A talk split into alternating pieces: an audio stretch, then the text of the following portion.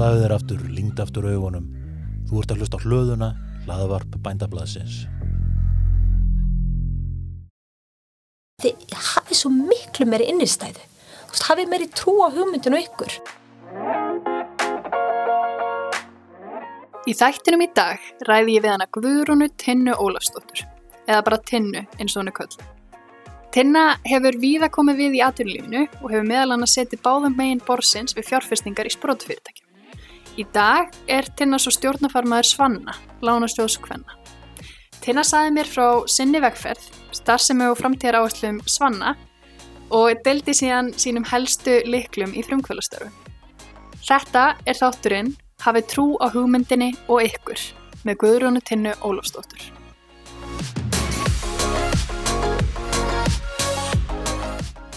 Velkomin Tinna. Takk hérlega. Hvað segir þú gott í dag? Bara ótrúlega fínt og gaman að komin til þín. Það er ekki, gaman að fá því í heimsókn. Getur þú kannski bara að byrja að því að segja mér smá frá þinni vegferð og tengingu við nýsköpun?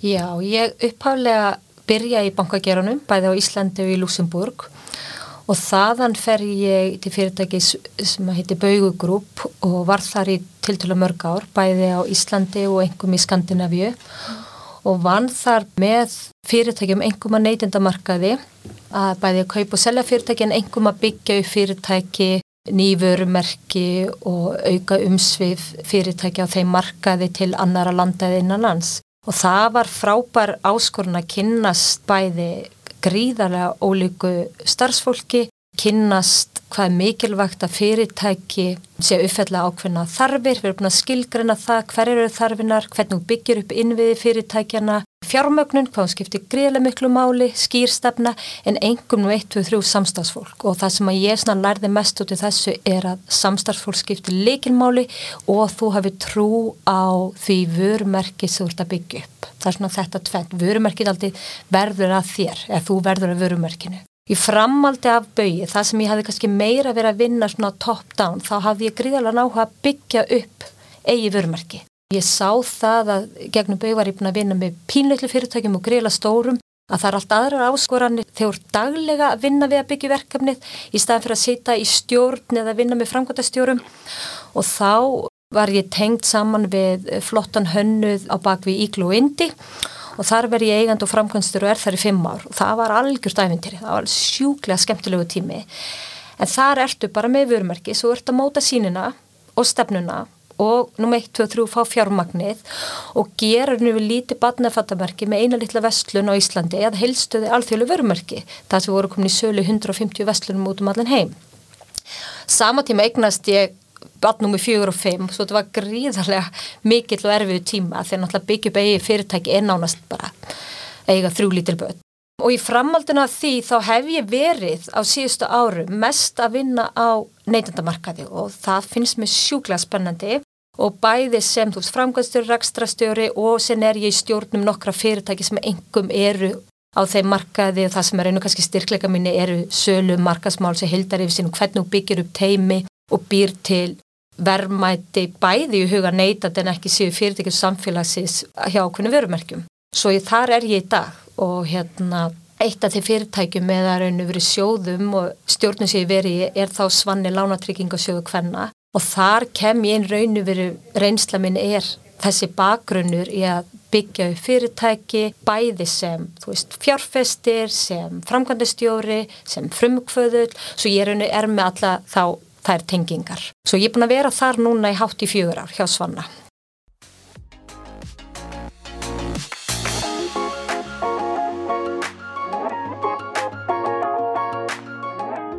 Það er óhægt að segja að hún tinna hafi farið um víðan völl í atvinnulífinu og unniða nýsköpun í fjölbreyttum hlutverkum.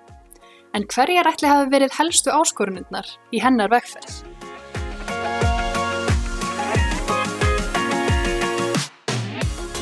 Ég myndi segja þetta sérlega þrýr þættir og það er í fyrsta lægi sem er leikiladri sem að ég veit að mörg engum minni fyrir að gera ákveðin leita að gera mistök. Það er sínin, bara hver er sínin á bakvið fyrirtækið og í grundvæðatum er það bara þetta, þú veist, hvaða þörfum er fyrirtækinu ætlað að uppfylla? Þörfum í huga neytenda, í viðskiptuina, samfélagsins, beisli bara hvað verma þetta sköpun á sér stað og það er óbóðslega mikilvægt að setja þessa sín niður.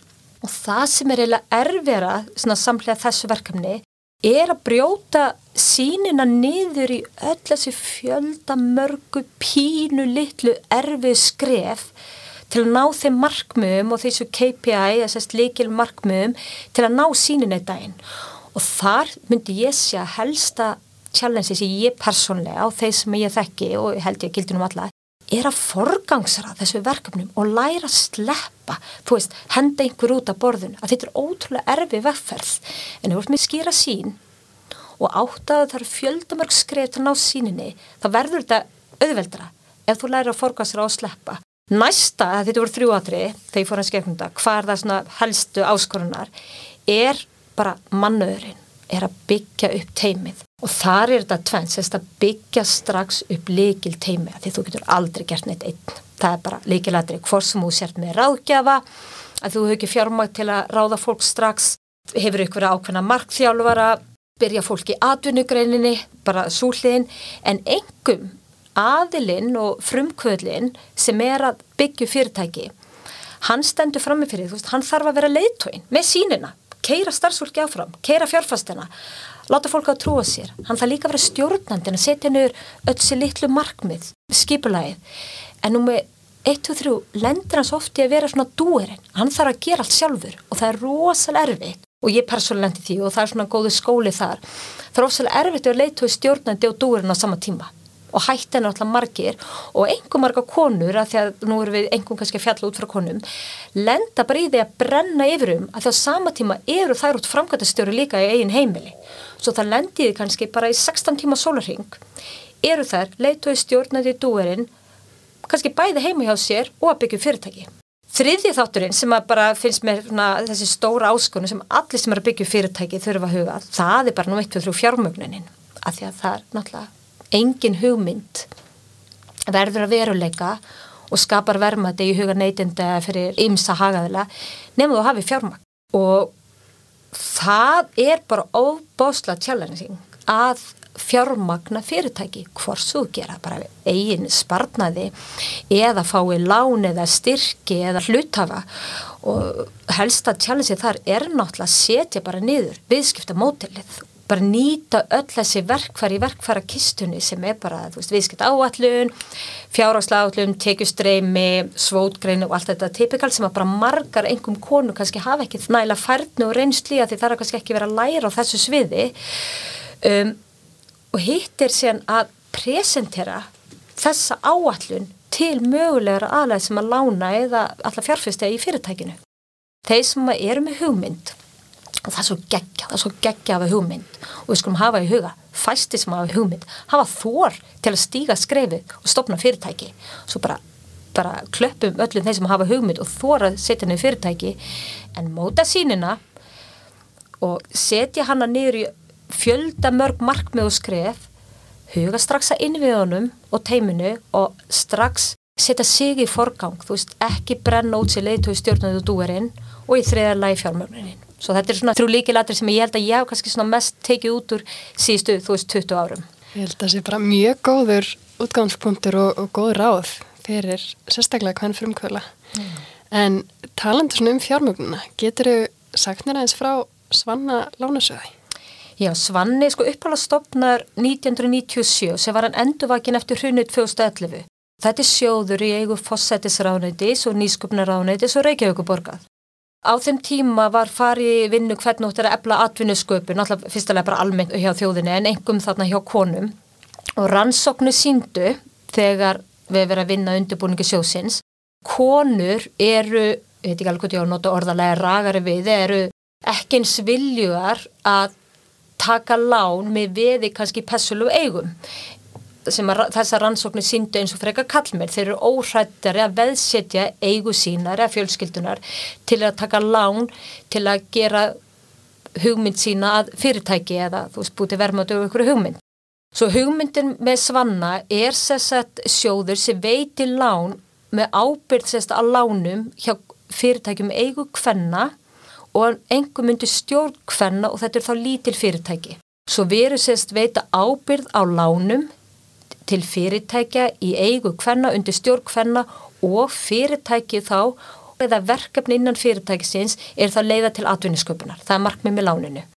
Núna er ég búin að vera aðna frá 2017 og það sem við sjáum er að þetta eru fjöldan allur af fyrirtækjum sem er í eigu og undir stjórn hvenna sem að standa frammi fyrir þessu verkefni að fjármagna sig. Þetta er ekki bara hugmynd, þetta er orðið fyrirtæki, starfandi fyrirtæki og þetta eru bæði fyrirtæki utan á landi og hérna í Reykjavík. Og þetta eru fyrirtæki sem er ein kona eða komnar þú veist upp í tíu konur en skilgengitur er smærri fyrirtæki. Við setjum þá kröfu að að bakvið lánveitinguna sé einhvers konar nýsköpun sem er raun og verið eðli fósendið þess að er að láni stuðla verkefni sem leiði til atvinnisköpunar og oft tengist þannig nýsköpun því. Þó nýsköpun, það er svo margar hliðar á nýsköpun, hvað er nýtt undir sólinni eða hvað er nýtt bara undir einhver ákveðinu bæjafélagi, skilur hvað ég við. Og það er bara og okkar að meta það hverju sinni. Um, við gerðum, um langar að mynda að nefna það, það var að gera spurningakönnun könnun meðal lántaka fyrir nokkrum árum sem að höfðu fengið lán hjá Svanna og það var einu markmið bara þú veist hefur sjóðin rétt á sér, er þörf fyrir sjóðin og þá kemur í ljósað hérna 50% af þeim sem að höfðu fengið lán náðu þeim markmiðum sem voru sett fram í umsóknarferlinu sem er náttúrulega bara frábært að þau eru maður við huga þú ert ennþá með lítil fyrirtæki, það er ekki öll fyrirtæki sem verða að starri fyrirtækjum og til dæmis á Íslandi, þó ég sé ekki með nákvæmlega tölu, þá myndi ég ekki ráðferð að séu krigu 3000 fyrirtæki sem eru stopnað okkur einasta ári á síðustu árum. Náttúrulega bæði eigu kalla og hvenna og það er náttúrulega ótrúlega stór fjöldi fyrirtækja. Jafnfra kom fram í könnuna að 50% sögðist ekki að fengi lán neinstar annastar og það er náttúrulega bara alls ekki gott. Hjá 83% þeirra þá jógst veldan og líkilatri hjá 67% þá varð til atvinnesköpuna til þetta því júku starfsmenn um tvo eða fleiri sem er náttúrulega bara frábært. Og við spurðum líka er nöðsynlegt að hafa svona sjóð sem er einbit sér engunga konum og veitir ábyrða lánum 83% hölda nöðsynlegt engum vegna nokkur þátt að gríðarlega erfitt að hafa fjármagn Það eru miklu óleiklegri að skuldsetja sig. Það eru vilja eiga fyrir framkvæmdum og er ekki tilbúin að veðsetja eigur sínara fjölskyldunar sem með þá í samræmið það sem að rannsóknir síndu þegar sjóður var settur á laginnar. Síðan var tvent sem að komið alltaf óvart að það er töldu að það verið með lélegt tengslanett og að þær eru oft með þann óheðbundnari verkefni sem kannski fjárfeistar hafa ekki skilning á. Og þessi atriði eru ótrúlega mikilvægt og svona á síðustu kannski tveim-þurum árum reynu í kjálfur þessari vinnu með Svanna þá hef ég svona skortlagt að það sem ég hef séð er að nú erum við að fá um umsóknir og ef þú ferðin á atvinnumál hverna.is þá sér það allar upplýsingar um sjóðin og þar sækjuru um lán og þetta er ákveð umsóknarferðli þar sem þú ert að skila inn viðskipta áallun, bara segja almennu upplýsingar hver er varan, fyrir hvern er um hvað hann að skila greiðsluflæðið og þess áttar. Hins vegar sáum við fljótt að við gætu orðið með tvær geggjar hugmyndir. Eða þú veist, þetta er orðin náttúrulega markmiðir sé orðin þeir sem að sækjum sér allavega starfandi fyrirtæki. Við erum með tvö geggjur starfandi fyrirtæki. Bæði fyrirtækin skilin umsókn. Annað fyrirtækið, annarkvört hafa starfsmenniðar eða sem oft þeir voru greinlega gera að leitast eftir og keftu aðkeftu á þjónustu. Umsóknin var mjög fagleg. Hinarkonunar sem við lendum allt oft í höfðu enga þekkingu reynsla að setja viðskipta áallinu niður á blað. Og fyrir mig sem að veit að skipti líkil máli að hafa hugmynd og þetta voru oft konur kannski, þú veist, bóndi fyrir vestan eitthvað sem að vissi nákvæmlega afverði, nákvæmlega hvað þörf hún er uppfylla. En hún gæti ekki komið í niður á blað þannig að potensial lánastöfnuna fjárfestir skildi það.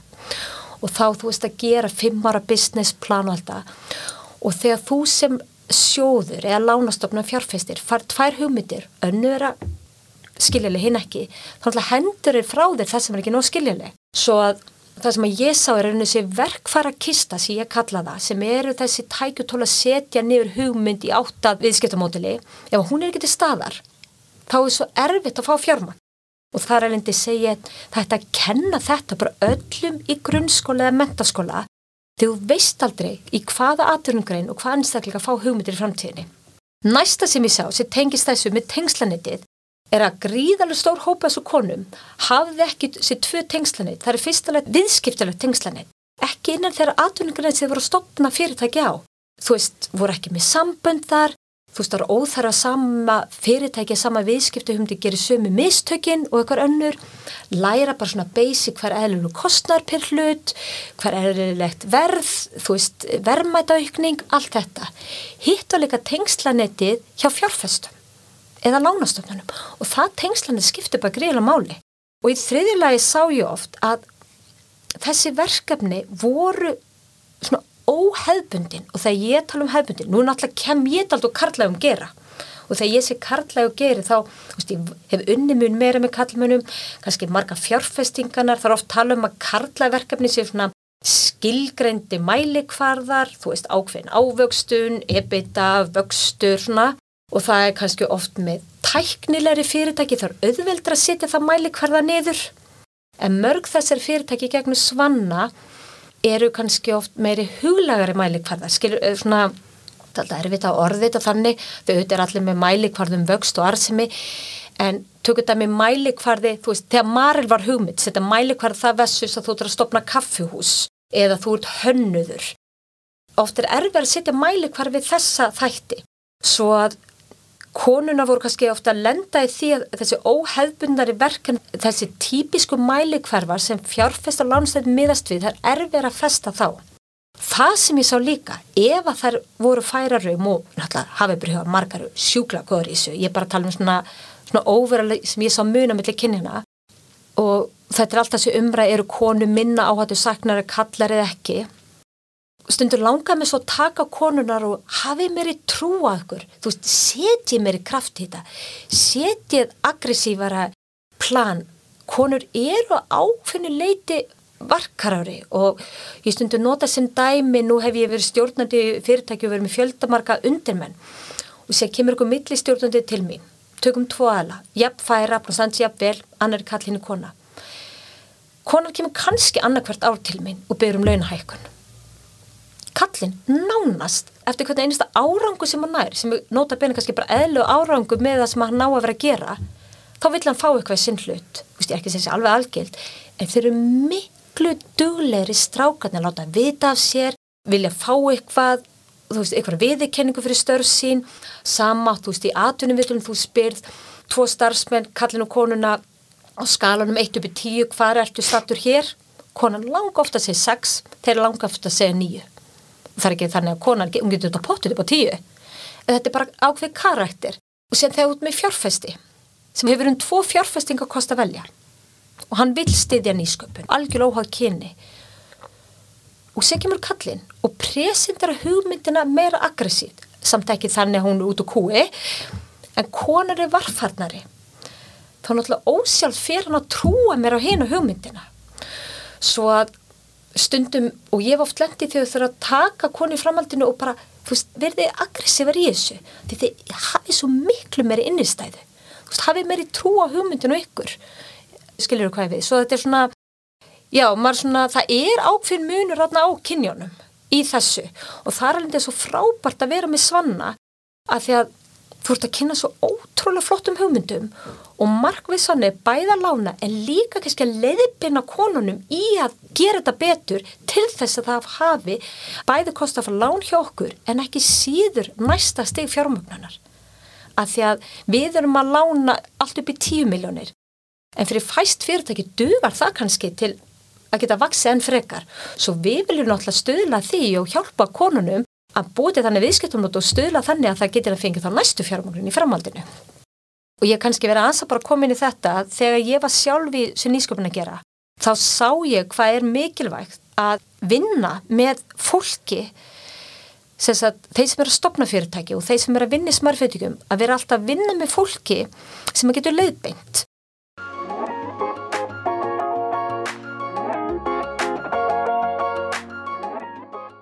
Það er sannlega mikilvægt að vinna með góðu fólki og þykja leðsögn sérfræðinga eins og hún tinnar segir. En hvert ætli líkil fólkið hafi verið í hennar vegferð og hvaða hlutverk spilaði það? Í fyrsta lagi þá er ofsalega mikilvægt að vinna með fólki sem að getur hjálpa þér að setja nú sínina og hefur líka faglega þekkingu í þeirra atvinnugrein svo ert og ég til dæmis sjálf, það er aðlið sem heitir Jón Björnsson sem er núna árið fórstur Origo hann er svona aðlið sem að ég nefni oft við fólk að þarna ertu með stjórnanda og algjöran leiðtúa í þeim verkefnum sem hann tekist að hendur var fórstur magasín og var hjá hugum er að hann hefur skýra sín algjör leiðtúi, far fólk með sér en hefur faglega þekking á öllum stíð þess að byggja fyrirtæki. Bara frábæraðli. Næstu tveir aðalarnir vil ég nefna því að það sem ég sá var mesta áskurinn bæði út að byggja fyrirtæki og ég því ég var að vinna frá hönd fjárfest og einhver þegar ég var sjálf að leita fjármagni var að það er ekki nóg að fá bara fjármagn. Þið vart með lítil fyrirtæki og, og svo mikil fyrir allar svo konur að hafa í huga. Fjármagni eitt og sér að fá til um sinn fjárfesta skila bara takmörku því að peningur og fjárfestari geta jafn mikið eðlagt hugmyndun og þú. Þú þart að fjárfesta sér skilu hlutverk fjárfestis. Og það var til þessi einnæli sem ég vann mikið með, sem heiti Richard Sims og hann var eigandi Polum Pyrit í Breitlandi og hefur í framaldinu, byggði þar upp stort fyrirtæki, verið fjárfestir í smari fyrirtækjum.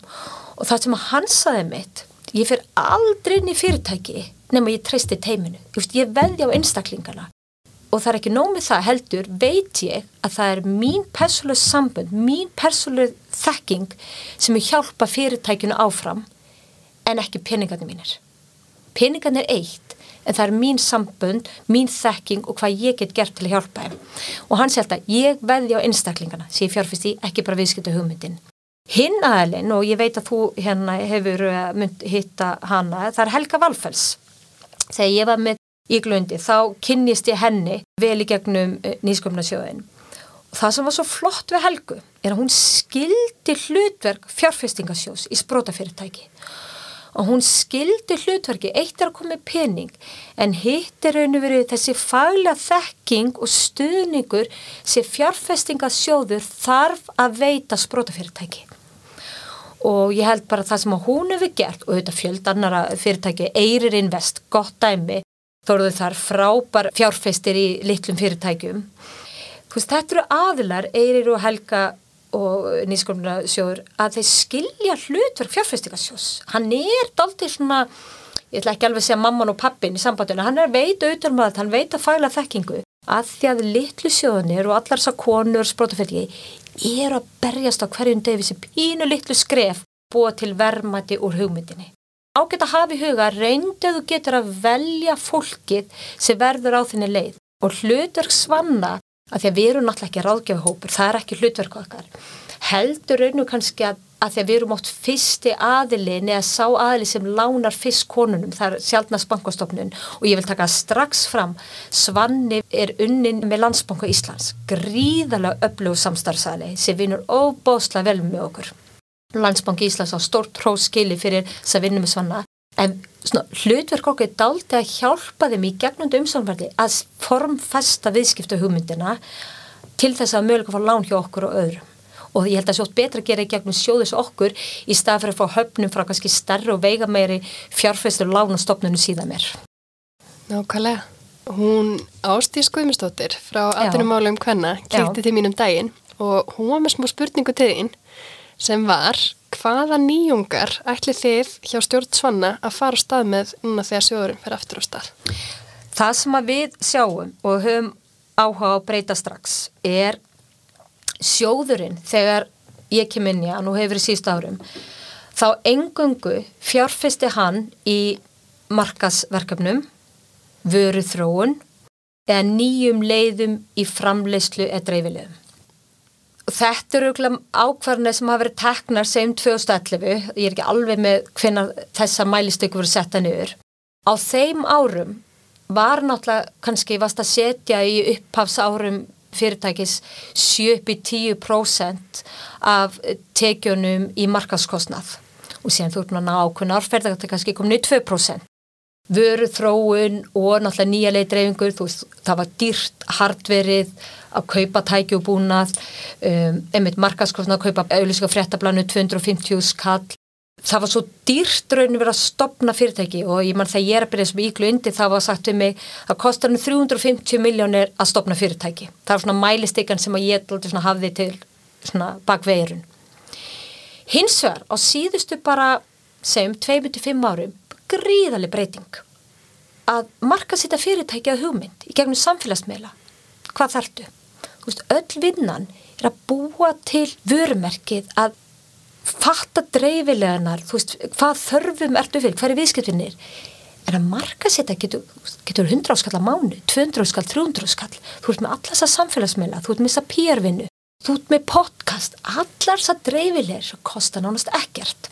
Og það sem við sem við, það lendum við svanna, þeir sem voru að setja inn um markasplönu einhverjum á síðast ári, vessust þegar ég var 2017, þá var þetta ekki alveg sábrendi, var svo lítill kostnað sem í markasetninguna. Vöruþrón, í hverju fælst vöruþrón? Í dag eru svo mörg fyrirtæki sem eru, sem er ekki svona hardverð, ég ætla að nota það, þú veist, það er ekki mikið tæki og tól. Það sem við sáum er að við þurfum reynu að útvika í hvað við erum að lána. Og það, það sem við erum að vinna núna stjórnin, er að útvikraunu við erum bara fjárfist í hugmynd, sem er náttúrulega starfandi fyrirtæki, ef við erum að fjárfista þá, eða sérst lána til fyrirtæksins, ekki til svona óbáslega afmarka skilgrenda verkefni innan fyrirtæksins að því það er ódýrar dag að stopna fyrirtæki en var til að koma því áleis. Og það sem er mest challenge á öllum fyrirtækjum á öllum stegum er náttúrulega sölu og markasleir það er bara fyrir, einhvern fyrir íslensk fyrirtæki sem allir er erlenda markaði Við erum ótrúlega góðið nýsköpun, við erum sjúklega duglega að fá hugmyndir, við erum sjúklega duglega að keira hlutin áfram og að vera allt og duglega að ég veit ekki hversu margir náttúrulega bara keira sér þrótt og marga konur einhverjum sem eru náttúrulega líka framkvæmdastjóra í einn heimili. En okkur vantar þekkinguna reynsluna í sölu og markasliðum einhverjum inn á ellenda markaði. Og eins og fyrst ég nefndi á hann Eirin vest á hann þá, þá eru þar gaggrinn þetta mikið og sagt að þeir hafa mikið verið sprótafyrirtækjum þú veist, eitt er að stuðlaði að fyrirtæki komast að lakkinar en það þarf að búið tekjur. Og tekjuna farður náttúrulega þú þarf að hafa sölu og dreifilegir og markasetningu og það vantar okkur. En það sem eins og sé, fyrir um aftur að svanna er að hugmynda okkar núna því við erum bara klárt á þessa dagana því var, við vorum reynu að fá frá eigundum svanna sem er þá enn og aftur fósinsránandi nýsköpna og Reykjavíkuborg að svann er aftur fann á stað og verður nú til næstu fjögur ára að útvíka þetta, að því þetta var bara stort vandamál sem og gríðarlega krafa var um nýsköpun. Við sáum að vandamáli með svanna eins og hann var er hvað er nýsköpun og við lendum oft í því að þurfa að hafna verkefnum að því að það var ekki sér nýsköpun sem var skilgrein í lánareglum og samþættu svanna á þeim tíma. Svo við erum að færa nýsköpun meira til hliðar og tala um atvinnisköpun og í stað fyrir að hafna hugmynda þegar ekki nýsköpuna þegar enn og aftur hvað er nýtt undir sólinni þá frekar leiðir þetta verkefni til atvinninsköpunar samlega er oftast einhver nýsköpun á bakviða svo gleru nokkar stað fyrir að hafna út frá nýsköpun þá horfum við á atvinninsköpuna en nýsköpunum er alltaf að skipta máli. En í stað fyrir að hún skipti 25% en hún skipta svona 5% máli. Svo þetta er það sem að, og ég veit að ástins verið sjúkla án að þú heyrir þetta. Kanski bara svona lókum, hvaða breytingar myndið þú velja sjá í nýsköpuna umhverfinu í Íslandi á segjum kannski næstu fimm árum og þá sérstaklega út frá kannski stöð og valdeflingu hvenna?